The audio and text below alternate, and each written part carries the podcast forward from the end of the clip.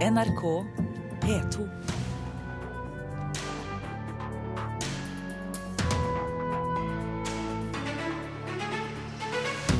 Arbeiderpartiet foreslår TV-lisens for fire år av gangen, og møter lisensmotstander Fremskrittspartiet til debatt i Kulturnytt. Etter terrorangrepene i Paris er debatten i gang om politiet skal kunne lese kryptert informasjon. Hva gjør det med datasikkerheten og personvernet? I kveld har den fjerde og siste Hunger Games-filmen norgespremiere.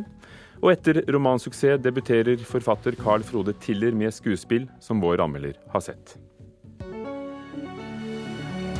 Velkommen til Kulturnytt i Nyhetsmorgen, der vi begynner med en sak om at det er forsvinnende lite humor i norske ungdomsbøker.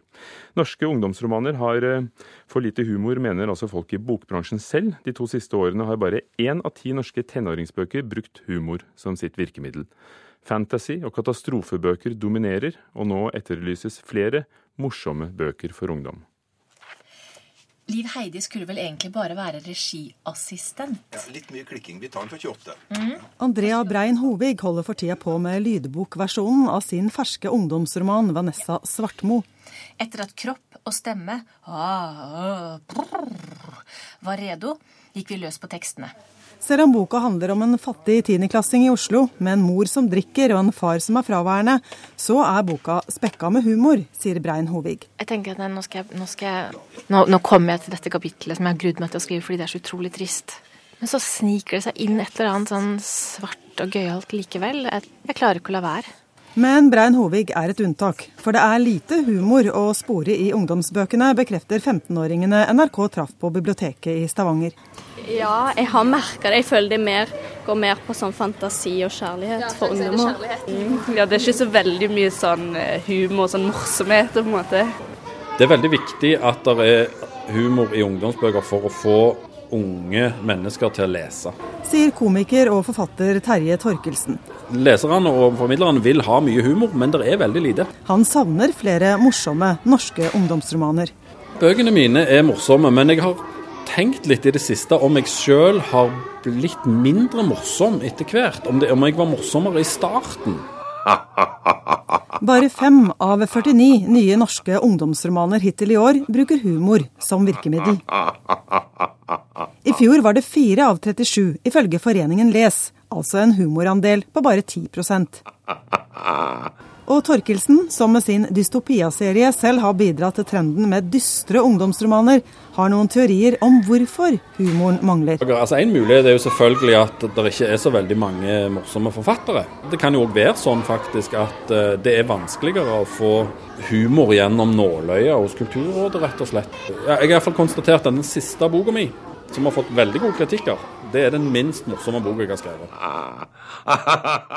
Tilfanget er, er, litt for lite. Vi, vi får eh, få humoristiske ungdomsromanmanus, rett og slett. Sier Nikolai Houm, som er redaktør i forlaget Cappelen Dams barne- og ungdomsredaksjon.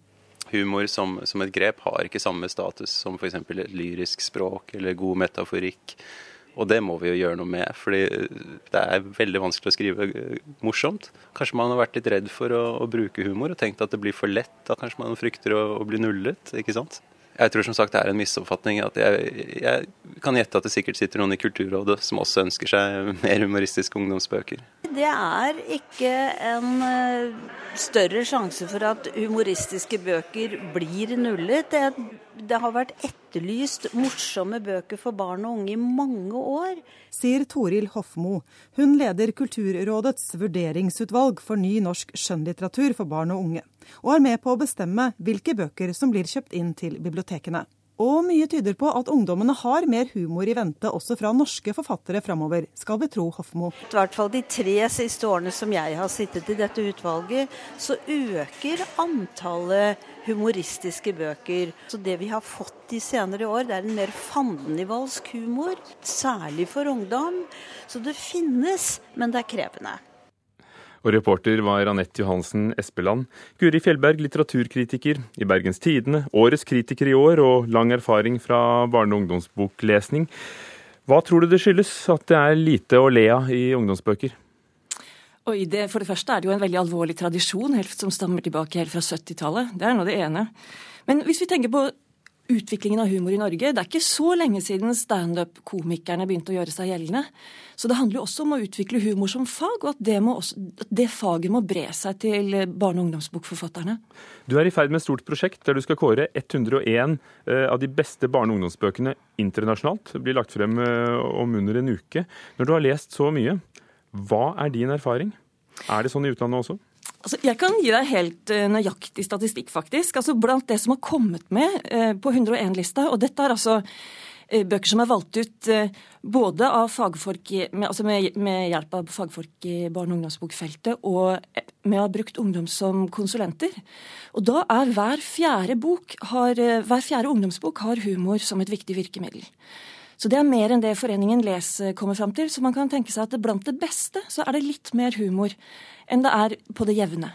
I reportasjen hørte vi snakk om at eh, de kanskje er redde, at forfattere er redde for å bli nullet, som det heter på, i sjargongen. Nemlig ikke innkjøpt av Kulturrådet til bibliotekene. Eh, kan det være en, eh, en ubegrunnet engstelse?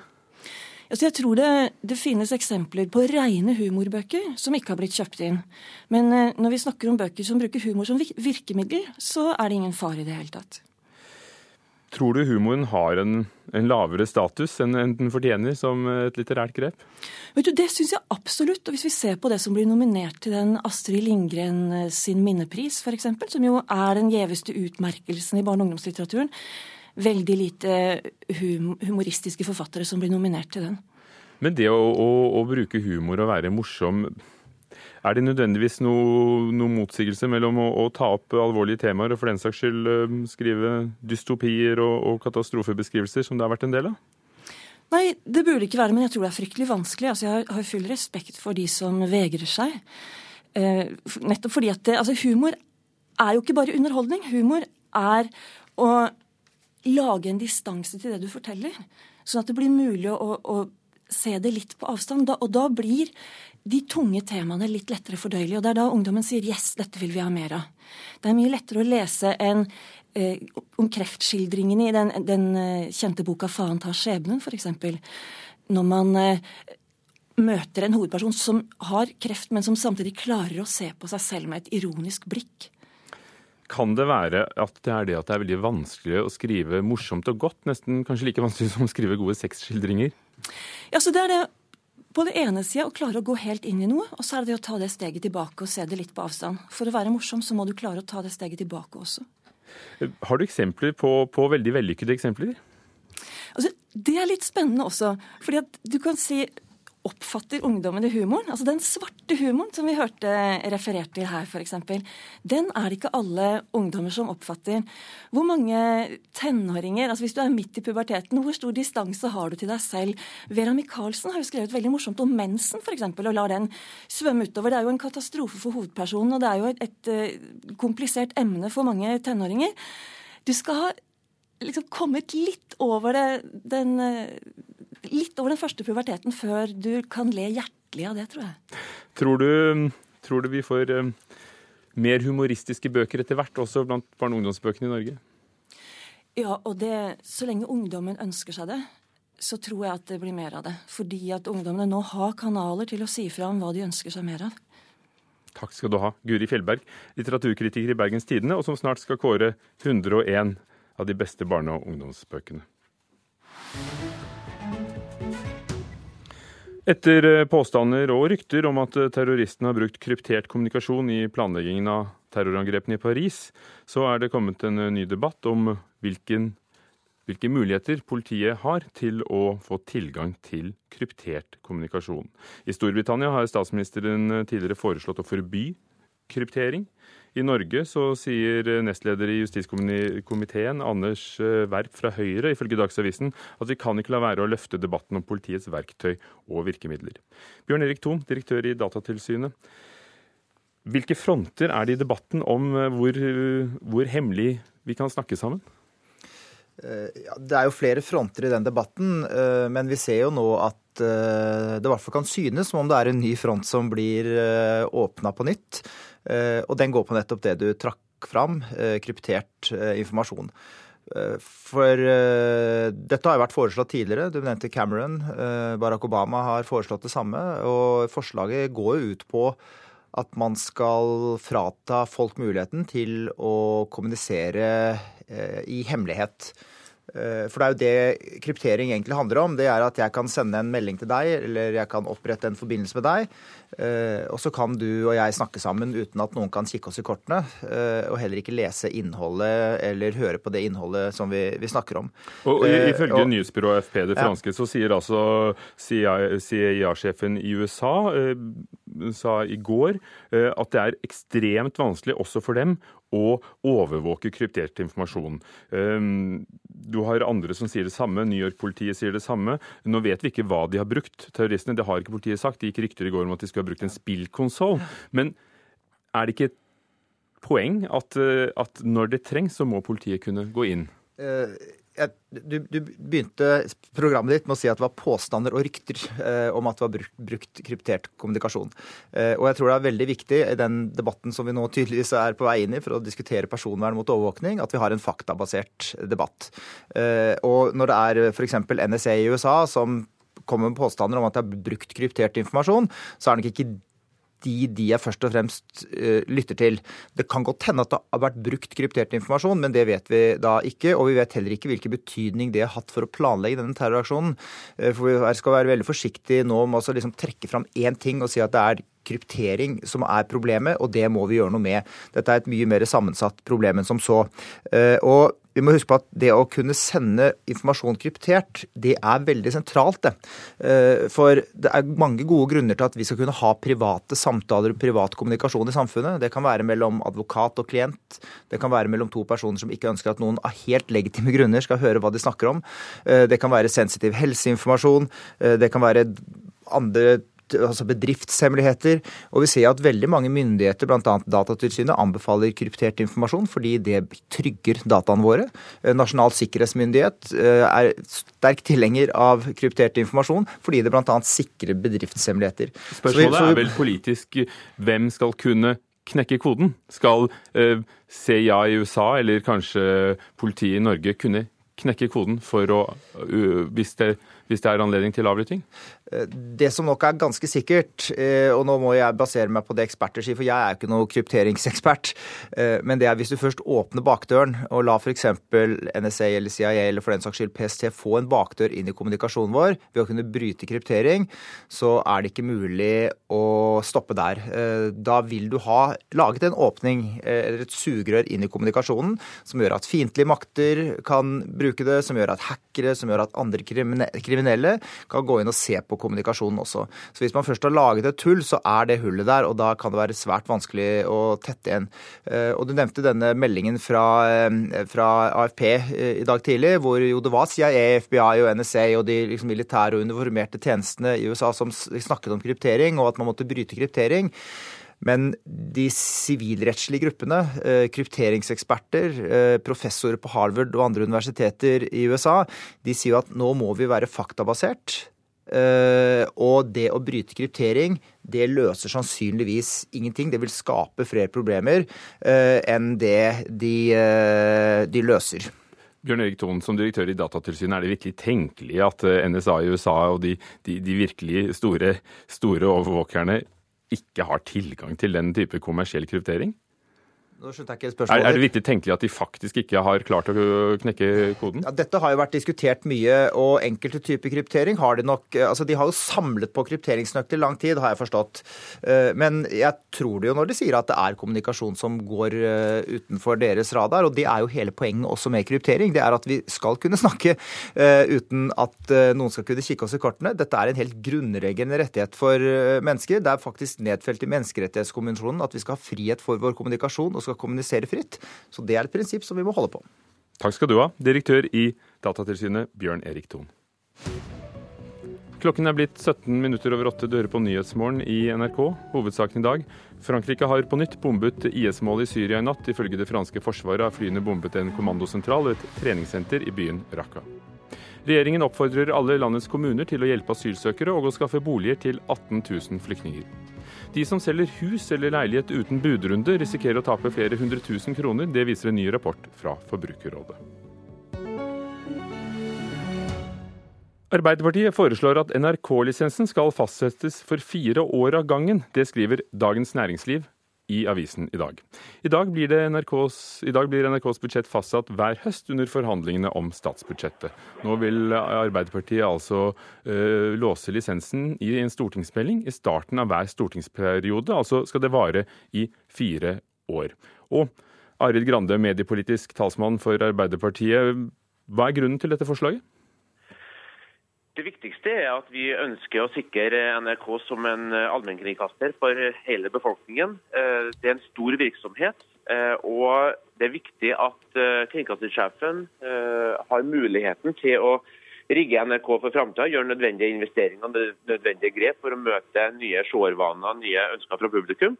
Og Da er ett år, å vite økonomien for ett år fram i tid, det er svært kortsiktig. og Derfor ønsker vi å skape mer langsiktighet. Men det er også bra, tror jeg, for lisensbetalerne at man vet eh, mer om hvordan lisensen ser ut eh, for de neste årene. Ib Thomsen fra Fremskrittspartiet, hva synes du om dette nye forslaget? Nei, At man vil ha en forutsigbarhet, det skjønner jeg for allmennkringkastere. Men at det skal gjelde spesielt for NRK, det er jeg litt forundra over. Vi har jo TV 2 også, som, som er en allmennkringkaster. Men som ikke vet hva budsjettet sitt blir fra år til år, og har en usikkerhet rundt det. Og Den forventer vi jo like mye av som vi gjør eh, med NRK. Men det neste nå Arbeiderpartiet kommer, det er vel også at de ønsker lisens da, på de bedutter, altså på, på PC-en, på mobiler og disse tingene. For her skal man dra maksimalt ut av det. Så, så dette er noe jeg syns er beklagelig, ettersom regjeringen har sagt at uh, man også vil uh, nå se på en totalfinansiering av NRK, kanskje over statsbudsjettet eller andre måter å gjøre det på. Ja, Arild Grande, Det Ib Thomsen refererte til som lisens på dippedutter, det er jo det som praktiseres i f.eks. Tyskland, altså en såkalt husstandslisens. At det holder å ha en litt smart telefon. Fordi, fordi nå ser vi jo ikke bare på gammeldags TV og, og radio. Eh, hva foreslår dere der?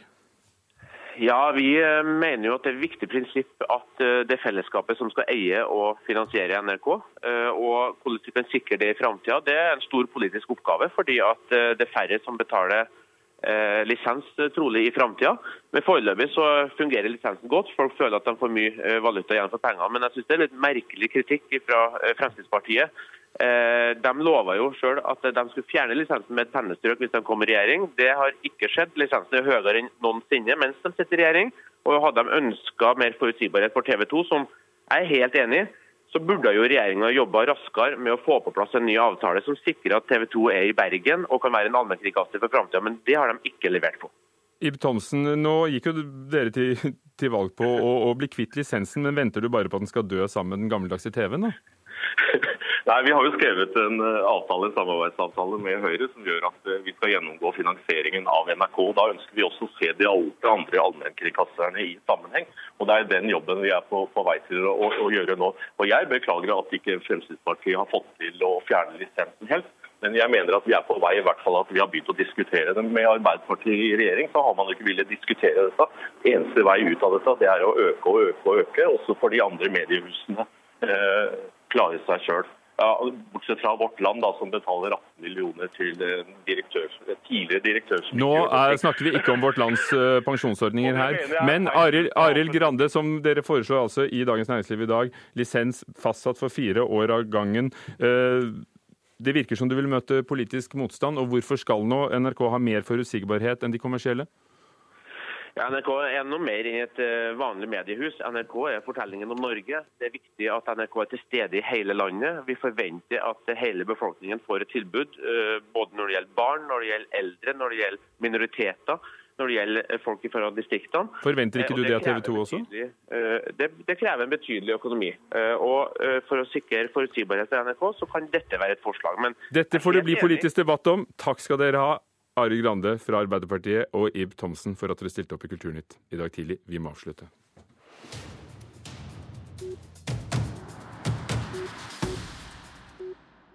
I kveld har den fjerde og siste Hunger Games-filmen norgespremiere. Til tross for noen lunkne anmeldelser i USA og England, er dette for veldig mange en etterlengtet film. Den fullfører ikke minst et ganske innbringende eventyr for dem som står bak filmserien, og Jennifer Lawrence spiller som tidligere hovedrollen Katniss Everdeen. We got one shot. Let's make it count. The Hunger Games Mockingjay Part 2 er den fjerde og siste filmen basert på Susanne Collins' boktrilogi. Det er derfor knyttet stor spenning rundt hvordan filmskaperne avslutter historien om Katniss Everdeen, som blir spilt av Jennifer Lawrence. En kvinnelig skuespiller, filmanmelder Birger Vestmo, mener er en av de største grunnene til at disse filmene har blitt så populære. Det som er spesielt med The Hunger Games, er at de har Jennifer Lawrence i hovedrollen. En eh, fantastisk skuespiller, og hun alene er jo grunn god nok til å se disse filmene. Tonight, turn your weapons to the Capitol. De tre første Hunger Games-filmene har til sammen spilt inn over 2,25 milliarder kroner på verdensbasis. Med film nummer fire kan filmserien fort ende opp i toppsjiktet over de filmene som har tjent inn mest penger verden over. Birger Vestmo tror i hvert fall at serien vil avslutte med et smell. Turn your weapons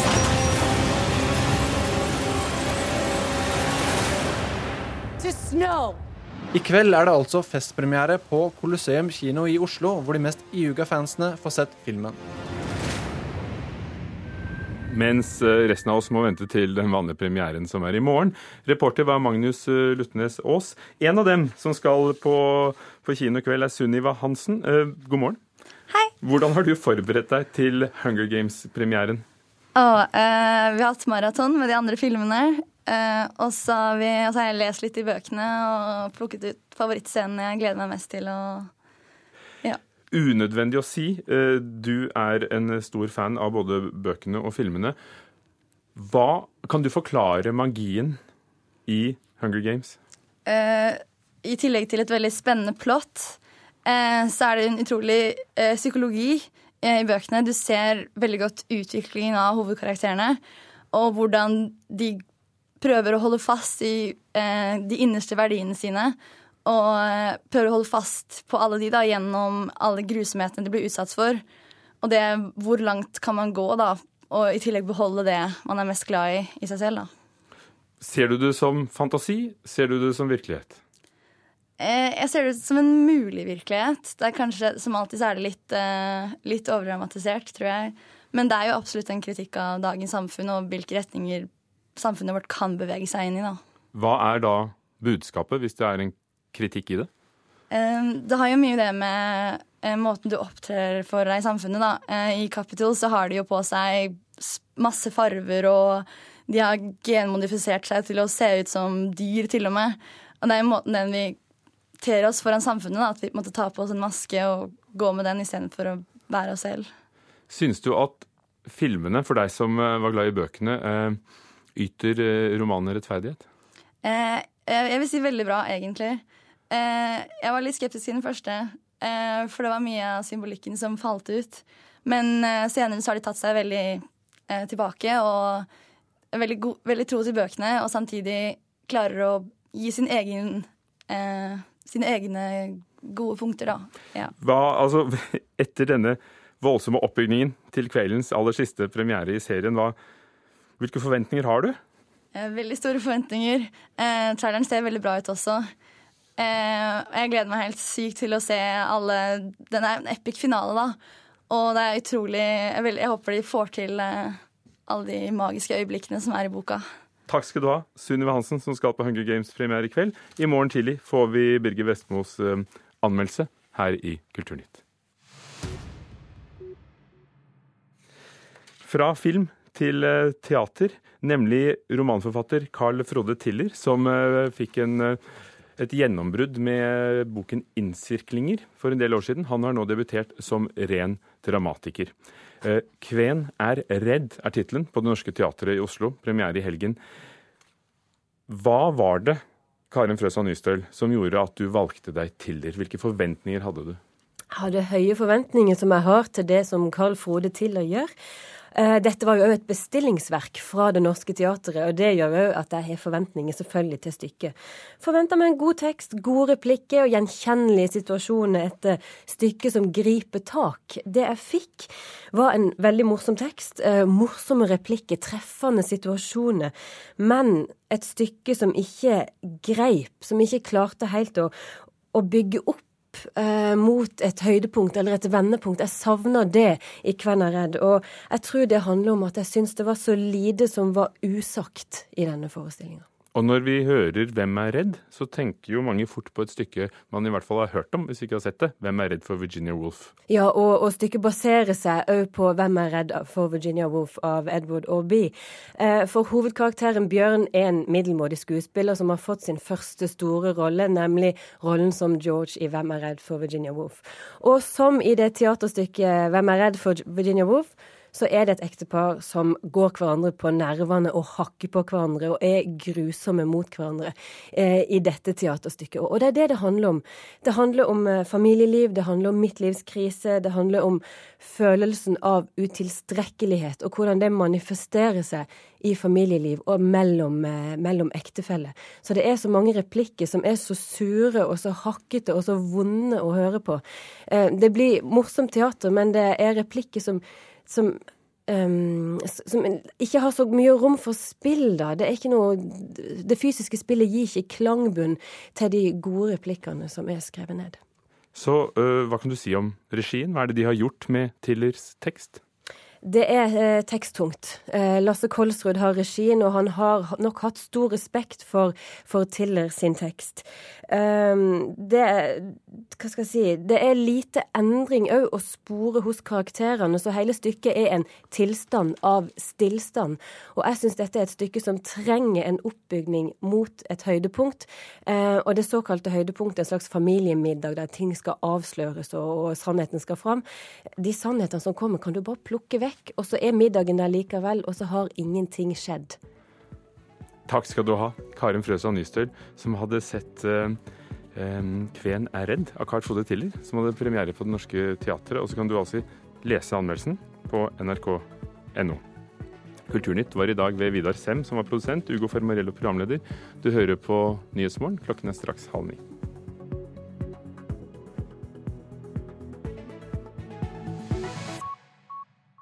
Hør flere podkaster på nrk.no podkast.